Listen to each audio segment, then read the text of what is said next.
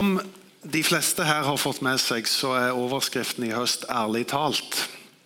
Og eh, gjennom den overskriften der så prøver vi å belyse noen av de store, men òg vanskelige spørsmål som vi tror både kristne og ikke-kristne stiller seg fra tid til annen. De er såpass store og såpass vanskelige de spørsmålene at vi tror egentlig ikke at vi klarer å gi et fullgodt svar. Men vi har en ambisjon om å peke oss i en viss retning. Det gjør vi på søndager med forkynnelsen. Vi gjør det på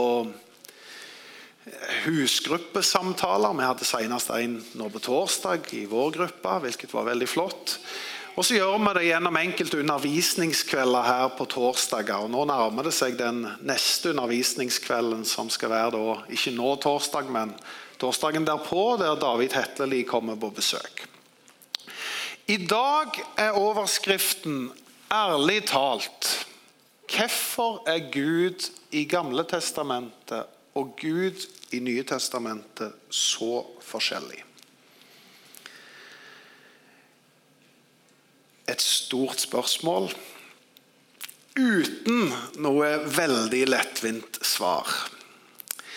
Kolosserne kapittel 1 så sier Paulus at Jesus Kristus er det synlige bildet på en usynlig Gud. Det betyr at jeg har blitt opplært, og du har sannsynligvis opp, blitt opplært, er at hvis du lurer på hvordan Gud er, og hvordan Gud opptrer, så skal du se på Jesus Kristus. Fordi at Jesus er det synlige bildet på en usynlig Gud. Og Da er mitt bilde av Jesus det er at han er nådig, god, barmhjertig, snill, grei, jeg har et godt bilde av Jesus, og det gjør at jeg har et godt bilde av Gud. Og Så langt så tror jeg at kristne og ikke-kristne er ganske samstemte. At ja, ser vi på Jesus og tenker at det er Gud, så er Gud god. Fordi Jesus er god. Så langt, så greit. Men så blir utfordringen da at eh, to tredjedeler av Bibelen og vel så det er Gammeltestamentet. Og Der presenteres jo òg Gud, men det er ikke alltid han er nådig, snill og god. Av og til så er han ganske brutal. Han kan være rimelig krigersk. Og i det hele tatt så fremstår han tidvis ganske sint. Og Da er spørsmålet er dette den samme Gud i Gammeltestamentet og i Nytestamentet. Det er klart at dette er et av de områdene som ikke-kristne kan få ganske kraftig ammunisjon.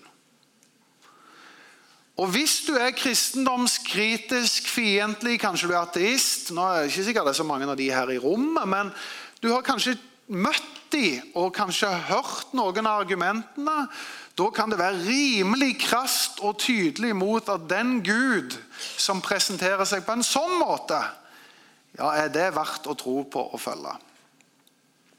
Noen har tatt det ganske langt, sånn som en av disse eh, store kristendomskritikerne, ateist Richard Dawkin. Han uttalte noe i denne gata her, og hør etter, for dette er kraftig skyts. Gud er uhyggelig, Gud fremstår sjalu. Han fremstår som en kontrollfrik, en rasist. Han virker blodtørstig. Jeg vil anse han som en gal etnisk renser. Basert på Gammeltestamentet så hater jeg Gud. Og Da er spørsmålet hva er det han egentlig sikter til? Hva mener han? Hvor tar han dette ifra? Vel, hvis vi prøver å For jeg tror jo at de fleste av oss vi har et, en vennlig innstilling til Bibelen, så vi er jo åpne for å høre noen gode forklaringer. Men om du i utgangspunktet er kritisk og skeptisk, og hører at det er Gud som sørger for at det blir en flom, som gjør at alle mennesker blir utrydda, og det er bare Noah og familien og noen dyr som står igjen, så tenker du det er brutalt. Når Gud sier til Abraham at nå skal du gå opp på et fjell og du skal ta med deg sønnen din Isak, og så antyder han at han skal ofres, så er det brutalt. Når du kommer til 5. Mosebok, f.eks. i kapittel 7, så er det sånn at Gud gir befaling om å, å, erklære krig mot syv folkeslag i Kanans land. Og han er ikke nådig i det han sier, at disse her skal du ikke være nådig mot. Du skal utslette dem, du skal utrydde dem, du skal rive ned gudebildene. De skal, du kan spare frukttre, men ikke spare folk. Det er brutalt. Sørg nå for all del ikke for å gifte deg med noen der. Det blir en sammenblanding som bare ikke går i sammen. Dette sier Gud.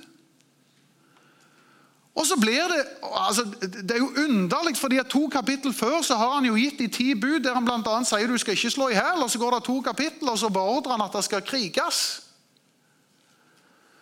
Og Spoler vi enda litt fram, så kommer vi til Josvas bok, og så blir det bare enda vanskeligere. For det er akkurat som det er en krigsbok i seg sjøl. Josvas bok, som er historien om Josvas fra det han i kapittel 1 blir leder, til han i kapittel 24 dør. Og imellom det så er han en hærfører og en kriger som på Guds kommando og på Guds vegne inntar og slakter ned og gjør fryktelig mye forferdelig. I kapittel 8 for eksempel, i Josvas bok så står det at eh, Gud bannlyser både dyr og folk, og det inkluderer barn og, og, og kvinner. og Det er brutale greier. Og på Guds kommando så er det gå inn og utslett disse byene, Jeriko og Ei. Og det er tusenvis av mennesker som slaktes ned. Det skulle nesten vært 18-årsgrense både på å lese Bibelen og være til stede her og høre denne talen. For det er brutale greier. Og jeg får ikke dette til å gå opp med en Gud som er god. I alle fall ikke med den Jesus som presenteres i Det nye testamentet. Hvordan skal vi svare på dette? Hva er det egentlig å si om dette? Jeg syns det er knallskummelt bare å ta det opp, fordi jeg, jeg, er ganske sikker på at jeg ikke kommer til å gi fullgode svar sjøl. Jeg, jeg, gjør det bare fordi jeg tenker dere er vennlig, vennlig innstilt til Bibelen. Så jeg tenker dere kjøper sikkert noen gode argumenter. Anna. Dere tar det sikkert. Men det er sikkert enkelte som kan høre dette på en podkast eller hva som helst og bare tenker dette provoserer meg. Selv de svarene dere kommer med, er provoserende. Så jeg, som sagt, jeg har ikke en ambisjon om å gi alle svarene, men vi har lyst til å ta det opp og spørre hvordan får vi dette til. Vel, Opp gjennom historien så har folk prøvd seg på litt ulike forklaringer og svar. Noen av de syns jeg er ganske dårlige, og for å gi et par-tre av de som jeg ikke syns funker i det hele tatt. Så kan jeg si at Det er enkelte som svarer at jo, Gud i Gammeltestamentet og Gud i Nytestamentet det er forskjellige guder det er snakk om. Det får ikke jeg til å gå opp, fordi at Bibelen sier at Herren vår Gud, Herren er én. Gud er den, den samme. Jesus refererer stadig vekk til Det gamle testamentet og peker på Gud som sin far. Så Jesus er komfortabel med Gud i Det gamle testamentet. Og Derfor så klarer jeg ikke å se at det er to forskjellige guder det er snakk om. Det er den samme Gud. En forklaring nummer to som vi kan prøve oss på, det er at Gud har mørke og lyse sider.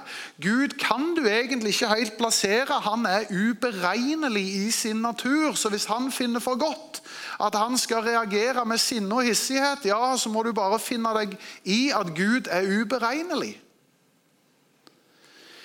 Det stemmer dårlig med bibelvers som sier at det fins ingen skiftende skygge i Gud. Det stemmer dårlig med hebreerbrevet som sier at han er i går og i dag den samme ja til evig tid. En tredje forklaring kan være at eh, alt dette her fra Gammeltestamentet det er oppdikta. Det er eventyrshistorie. Det er bare bilder. Det har ikke virkelig skjedd. Hvilket jeg òg finner underlig, fordi at også Jesus refererer til ting som virkelig. og Om det så skulle være enkelte ting, jeg tror jo ikke det, men la oss nå si at det ikke var sånn at det hadde skjedd, så er det likevel problematisk at Gud stilles i et lys av å være en krigers gud. Det er jo likevel det som er bildene som brukes. Så langt har jeg vel ikke akkurat gitt dere noen gode svar. Og Hvis vi slutter av nå og sier amen og går hjem, så er vi en store spørsmålstegn alle sammen, som denne lille gutten på bildet. La oss prøve å gi noen svar. Jeg skal lese et bibelvers, for dette er tenkt å være mer etter hvert. så skal jeg gjøre mer enn å reflektere og undervise. Jeg håper det skal bli forkynnelse av det. Og Da skal vi ta fram et bibelvers, og så skal jeg legge et premiss. Og Premisset som jeg legger, det er usedvanlig viktig for at vi i det hele tatt skal ha sjanse til å kunne forstå noe av det som vi ser med Gud i Det gamle testamentet. Hvis en ikke er med på dette premisset, så tror jeg aldri en vil ha en sjanse til å kunne forstå noe av det som Gud representerer i Det gamle testamentet. Og det er at Gud er en dommer, og en dommer dømmer. Jeg skal komme tilbake igjen til det.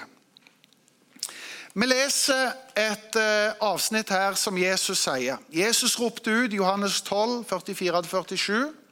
Jesus ropte ut eh, Den som tror på meg, tror ikke på meg, men på Han som har sendt meg. Og den som ser meg, ja, han ser Han som har sendt meg.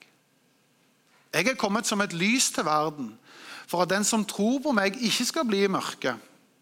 Den som hører mine ord og, og ikke tar vare på dem, den dømmer ikke jeg. For jeg har ikke kommet til verden for å dømme verden, men for å frelse verden. Den som avviser meg og ikke tar imot mine ord, har likevel en dommer. Det ordet jeg har talt, skal dømme han på den siste dag. Det er mye det går an å stoppe med her, men et par-tre av de tingene som jeg umiddelbart stopper med, det er at Jesus peker på Gud og sier at ja, ser du meg, så ser du Faderen. Litt det samme som vi begynte med. At han er det synlige bildet av en usynlig Gud. Jesus identifiserer seg med Gud Fader. Det andre jeg ser her, er at eh, Jesus har ikke kommet til verden for å dømme verden, men for å frelse verden. Og Det skal vi i aller høyeste grad komme tilbake igjen til i denne talen mot slutten. Men det står òg en tredje ting her i denne teksten, og det er at det er en dommer. Det fins en dom. Og det er en del av helhetsbildet. En av de tingene jeg er glad for, Nå kommer jeg tilbake til dette med premissen med at Gud er en dommer, og Gud dømmer. En av de tingene jeg er begeistra for med Norge og med mange andre land, det er at vi er en rettsstat. Det betyr at hvis det skjer ting som er i ondskapens navn og urettferdighetens navn, så fins det lov som regulerer, og som kan fange opp og som kan dømme. Når Behring Breivik og 22. juli skjer, så er det heldigvis sånn at det er noe som heter rett og galt. Det er et rettsstat som fanger opp og som sier dette er galt. Og når urett begås, så skal det iallfall bli en viss rettferdighet i at noen dømmes for dette. Hvis det ikke var lov og rett, så ville det blitt kaotisk i denne verden. Hvis det ikke var noen som definerte hva som var rett og galt, så ville vi ikke klart å holde samfunnet i sjakk. Rett og rettferdighet, lov, er med å regulere atferd og er med å sørge for at en holder samfunnet i sjakk.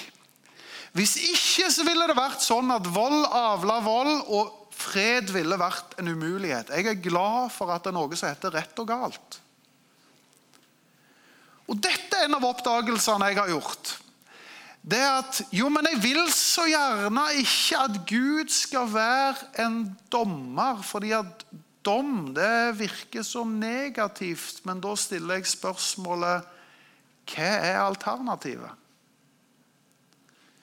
En forutsetning for at du skal kunne ha rettferd, eller ta et oppgjør med urettferdighet, det er jo at det er noe som heter rettferdighet. Og faktisk er det sånn at Selv om vi tenker at dom er noe negativt, så er det sånn at alle her inne er dømmende mennesker. Fordi at I det øyeblikket du sier noe er rett og galt, så er du en dommer. Du er en som bestemmer at noe er rett og noe er galt. Så hvis jeg sier til ungene mine det der har du ikke lov å gjøre, det er feil, så er jeg en dommer. Jeg er med å bestemme at noe er rett og galt.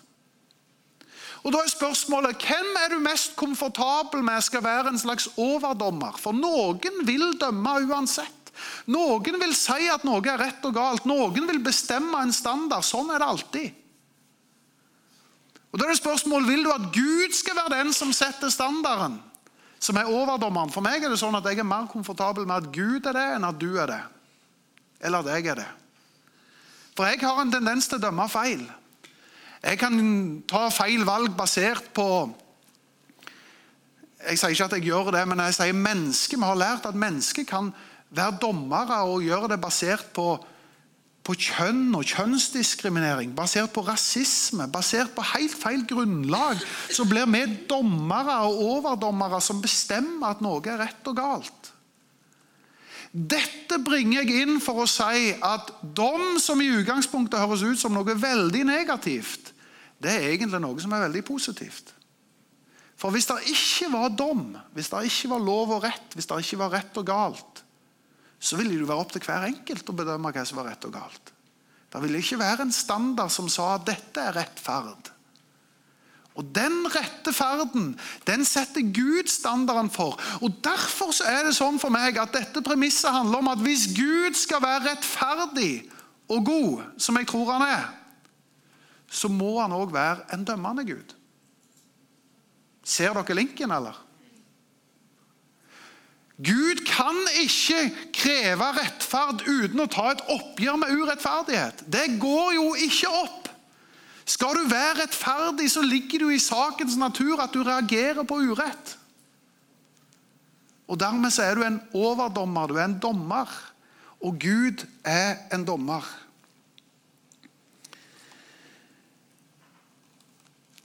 Det som vi ser i Gammeltestamentet, det er at Gud feller dom. Og Gud feller aktivt en dom. Som ikke betyr at han bare går rundt og dømmer og sier rett og galt. Gud er på alle måter også både nådig og god, og de sidene av Gud kommer også tydelig fram i Det gamle testamentet. Men det som vi kan se, det er at Gud faktisk feller dom. Gud feller dom over de som har en opprørsk holdning. Gud feller dom over de som vil utrydde og utslette det som er hellig. De som ikke har respekt for det som er hellig. Gud feller dom over synd. Gud feller dom over de som driver med avguderi. De som vil utslette Guds folk. De feller Gud en dom over. Men Gud går aldri dit hen at han oppfordrer til kall det tilfeldig vold, eller på den måten eh, Kall det eh, fremheve misbruk. Det er aldri Gud. Men når Gud går aktivt til verks på den måten som vi ser og kan lese om, så er det alltid fordi at Gud feller en dom over urett.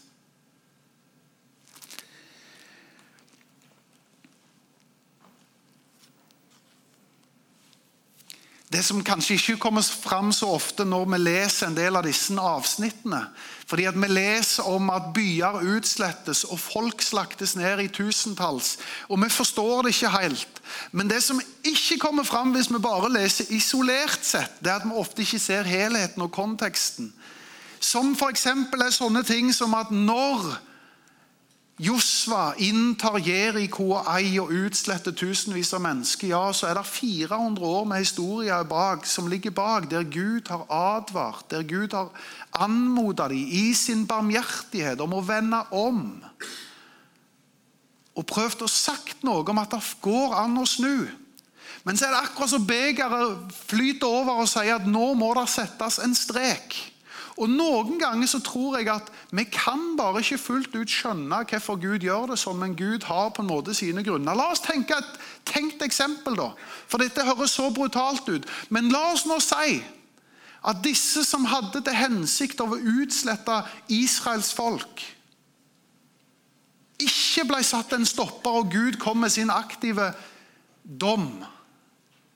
Ja, så kan du se for deg at det fantes et folk som ble utsletta, og det ikke var rom for å føde en frelser. Guds store oppdrag er at det skal frelse verden. og Når Jesus kommer, så sier han jeg har ikke kommet for å dømme verden. Mitt oppdrag er å frelse. I det frelsesperspektivet Gud har for alle folk og alle land og alle nasjoner og alle etniske grupper, så må han nødvendigvis beskytte, og han har en oversikt og et utblikk han har noen perspektiv. Jeg tenker på bildet som Maria viste herrene.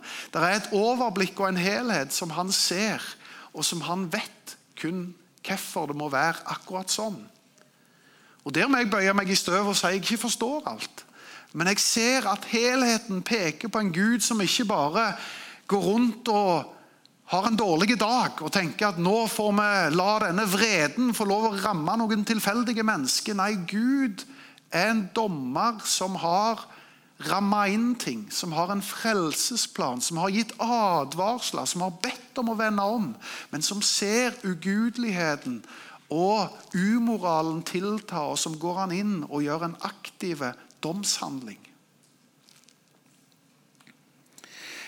Jeg har prøvd å legge et premiss, og premisset er dette. En rettferdig Gud er òg en dømmende Gud. Og Nå kommer jeg mer til forkynnelsen, fordi at dette sier både 1. Peter brev 4 og 2. Timoteus brev kapittel 4, at han skal dømme levende og døde. Det vil si alle som har levd, alle som lever, alle som noen gang kommer til å leve, så skal faktisk Gud dømme. Det er en del av Guds rolle å være overdommer. Han er Gud. Han er rettferdig. Han tar et oppgjør med urettferdighet. Han tar et oppgjør med ondskap. Men så er det jo klart at min respons på at Gud er en rettferdig Gud og en dømmende Gud, det er gjerne dette at det må for all del ikke komme en dom. Det er min naturlige respons. Fordi at Hvis Gud skal felle en dom over min urett, over min ondskap, over mine dumme tanker, ord og gjerninger, så skjønner jeg at jeg ligger dårlig an. For Hvis Gud skal være rettferdig, så må han nødvendigvis ta tak i ikke bare Hitler og Stalin og, og, og fryktelige mennesker, men han må ta tak i all urettferdighet. Og Hvis Gud tar tak i all urettferdighet, så tar han tak i meg. Og Da tenker jeg umiddelbart at det må for all del ikke komme en dom. Og så er det en del av oss i Ola og Kari Nordmann og i nabolaget og i de du snakker med, som tenker at ja, ja, min løsning på det hele er at jeg prøver å gjøre mer godt enn jeg gjør vondt. Og Hvis jeg bare får gjort overvekt av det gode, så satser jeg på at det går greit. Og vi nærmer oss Gud som ofte muslimene nærmer seg Gud. Det er det at Vi vet ikke helt hvor vi har Gud. Vi satser på det går bra, vi gjør så godt vi kan. Det er en falsk trygghet som ikke er bibelsk. Fordi at urett er urett. Synd er synd. Det må tas et oppgjør med det. Det må være konsekvenser ved det. Og Gud er den som er dommer. Og Derfor er min respons nå må det for all del ikke komme en dom. Det er det intuitivt jeg tenker. Men så har du dette punktet som er selve evangeliet. Og det er at Jesus har allerede holdt dommedag. Nå begynner det å bli gode nyheter her, folkens. Fordi at her kan vi se et hovedpunkt i evangeliet. Det er at eh, vi gjerne tenker at det som ligger og venter oss der framme Vi har blitt opplært til at det som ligger og venter der framme, det er det vi kaller for dommedag. Mens Gud holder en del dom i Det gamle testamentet, så peker han samtidig fram og sier jeg skal holde dom over hele verden, over alle mennesker, over all synd. Og hvor er det Gud holder dommedag? Det holder han på korset. Der dømmer han synden til døden. Der dømmer han urettferdigheten til døden. Der sier han at rettferdigheten seirer. Og Derfor så triumferer Jesus ikke i å gå rundt og dømme, men i å fullføre Guds frelsesplan. Og Derfor så har vi godt budskap å bringe, fordi at straffen ble lagt på han for at vi skulle ha fred. Så går jeg rundt og venter at Gud skal straffe meg. Nei, for han har straffa Jesus. Min synd, min skam, min urettferdighet har han latt ramme sin egen sønn. Og I det så holder Gud dommedag. og Derfor er budskapet dette fra Paulus til korinterne og til oss i dag. Det var Gud som i Kristus forsonte verden med seg selv. Slik at han ikke tilregner de deres, deres misgjerninger. Og han overga ordet om ikke dom, men ordet om forsoning til oss. Det betyr at vi er ambassadører, ikke for Guds dom. Vi er ambassadører for Guds forsoning, som skjer på korset ved at Jesus soner vår synd. Og Det gjør at jeg har ikke tenkt å møte Gud på egen hånd. Jeg har ikke tenkt å svare for min egen urettferdighet, for min egen ondskap, for min egen synd. Min forsvarsadvokat, min representant, det er Jesus Kristus i det. Og Det gjør at jeg kan være trygg på at det som ligger foran meg, er vel så mye en belønning som det er en dom. Og Hva er dommen Gud holder? Fordi at Når vi tenker ordet dom, så tenker vi gjerne negativt. og tenker dom er noe negativt. Da er det dømt til et eller annet. Men du vet at innenfor domsbegrepet så er det noe som heter frifinnelse. Det er òg en dom. Så hvis noen er anklaga og du ender opp med at du er frifunnet, ja, da kan du slå i bordet med at her er det en gjeldende dom, og den er frikjent. Og da er spørsmål, Hva slags dom er det Gud feller over meg og deg? Det er frifinnelsesdommen som vi har i Jesus Kristus. Som gjør at det er mitt fjerde og siste punkt det er at vi lever i en tid der vi lever mellom to dommer. Vi lever i en tid som vi kaller for nådens og forsoningens tidsalder. Jesus har holdt dom. Gud har holdt dom over Jesus på korset. Og så sier han ifra nå av så er det et vindu dere som er glad i fotball, dere vet om det er noe som heter overgangsvindu. Det er et vindu som sier at innen en gitt dato så får du lov å melde overgang. Da foregår kjøp og salg, men så stenges vinduet, og da er det slutt. Og Sånn sier Gud at det er et overgangsvindu som er fra Jesus ropte ut er fullbrakt, døde, sto opp igjen den tredje dag. Så sier han det er et overgangsvindu som gjelder helt til jeg kommer igjen. Og det er overgangsvinduet, Da skal du være en nådens representant. En barmhjertighetens samaritan. En godhetens ambassadør. En forsoningens tjener. Og Så skal du bringe ut dette ordet om forsoning. Er det det at Gud ikke lenger er en dommer? Nei, Gud er fortsatt en dommer, og han skal holde dom over levende og døde. Det står fast.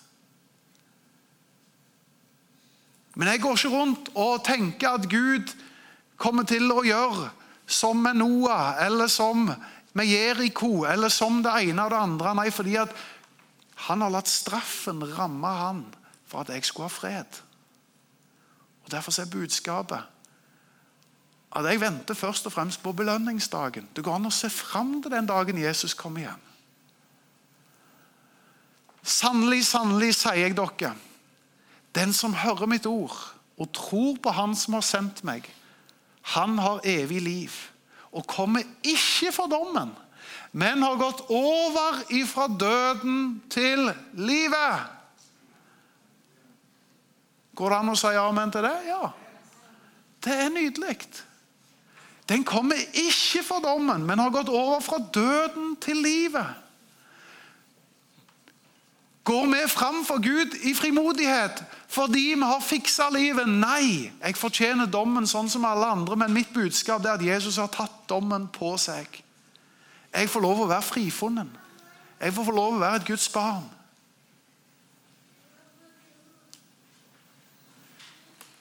Nå håper jeg dere er så vennlig innstilt at dere tenker ok, det var i fall at jeg pekte. Han pekte meg iallfall i en viss retning. Så kan ikke jeg fullt ut svare for alt Gud har gjort. Men jeg tror du må være med på premisset. Gud er en dommer, og Gud feller dom. Og Hadde det ikke vært sånn, så hadde ikke heller Gud vært rettferdig. Han hadde ikke heller vært god. Det forutsetter at Gud er en dommer. Og så er vårt budskap at Jesus Kristus har tatt dommen. Takk, Herre, for at vi får lov å tro på deg. Takk for at vi får lov å sole oss i glansen av ditt verk. Ikke i hva jeg har prestert og fått til, men i at du har tatt dommen på deg. At du har tatt straffen på deg, Jesus. At du var villig til å gå den veien. Takk for du er et synlig bilde på en usynlig Gud som er barmhjertig, som er god, som er tålmodig, som bærer over med oss i våre svakheter og skrøpeligheter og i syndene våre. Og takk, Herre, fordi at du tok og gjorde jobben. Takk for det var ikke sånn at halvveis kom jeg deg i møte, og så gjorde du resten. Du kom ned til oss. Jeg klarte ikke å komme opp til deg. Men du har kommet ned til meg, og du har sont mine synder. Takk, Herre, fordi at der frifinnelsesdommen gjelder for oss, alle oss som tror. Alle som vil ha med deg å gjøre. Ikke fordi at vi kan ta fortjenestesmedalje på brystet og si vi har prestert, men fordi vi har tatt imot deg. Takk, Herre, fordi at frelsen gjelder. Takk for overgangsvinduet er åpent. Takk fordi at eh, den endelige dagen den eh, har ikke kommet ennå. Takk for du i din tålmodighet og i langmodighet er barmhjertig med oss. Og takk for at du har gitt oss dette ordet om forsoning som vi skal bringe til denne verden, Herre. Vi takker deg for det i Jesu Kristi navn. Amen. Skal vi reise oss opp?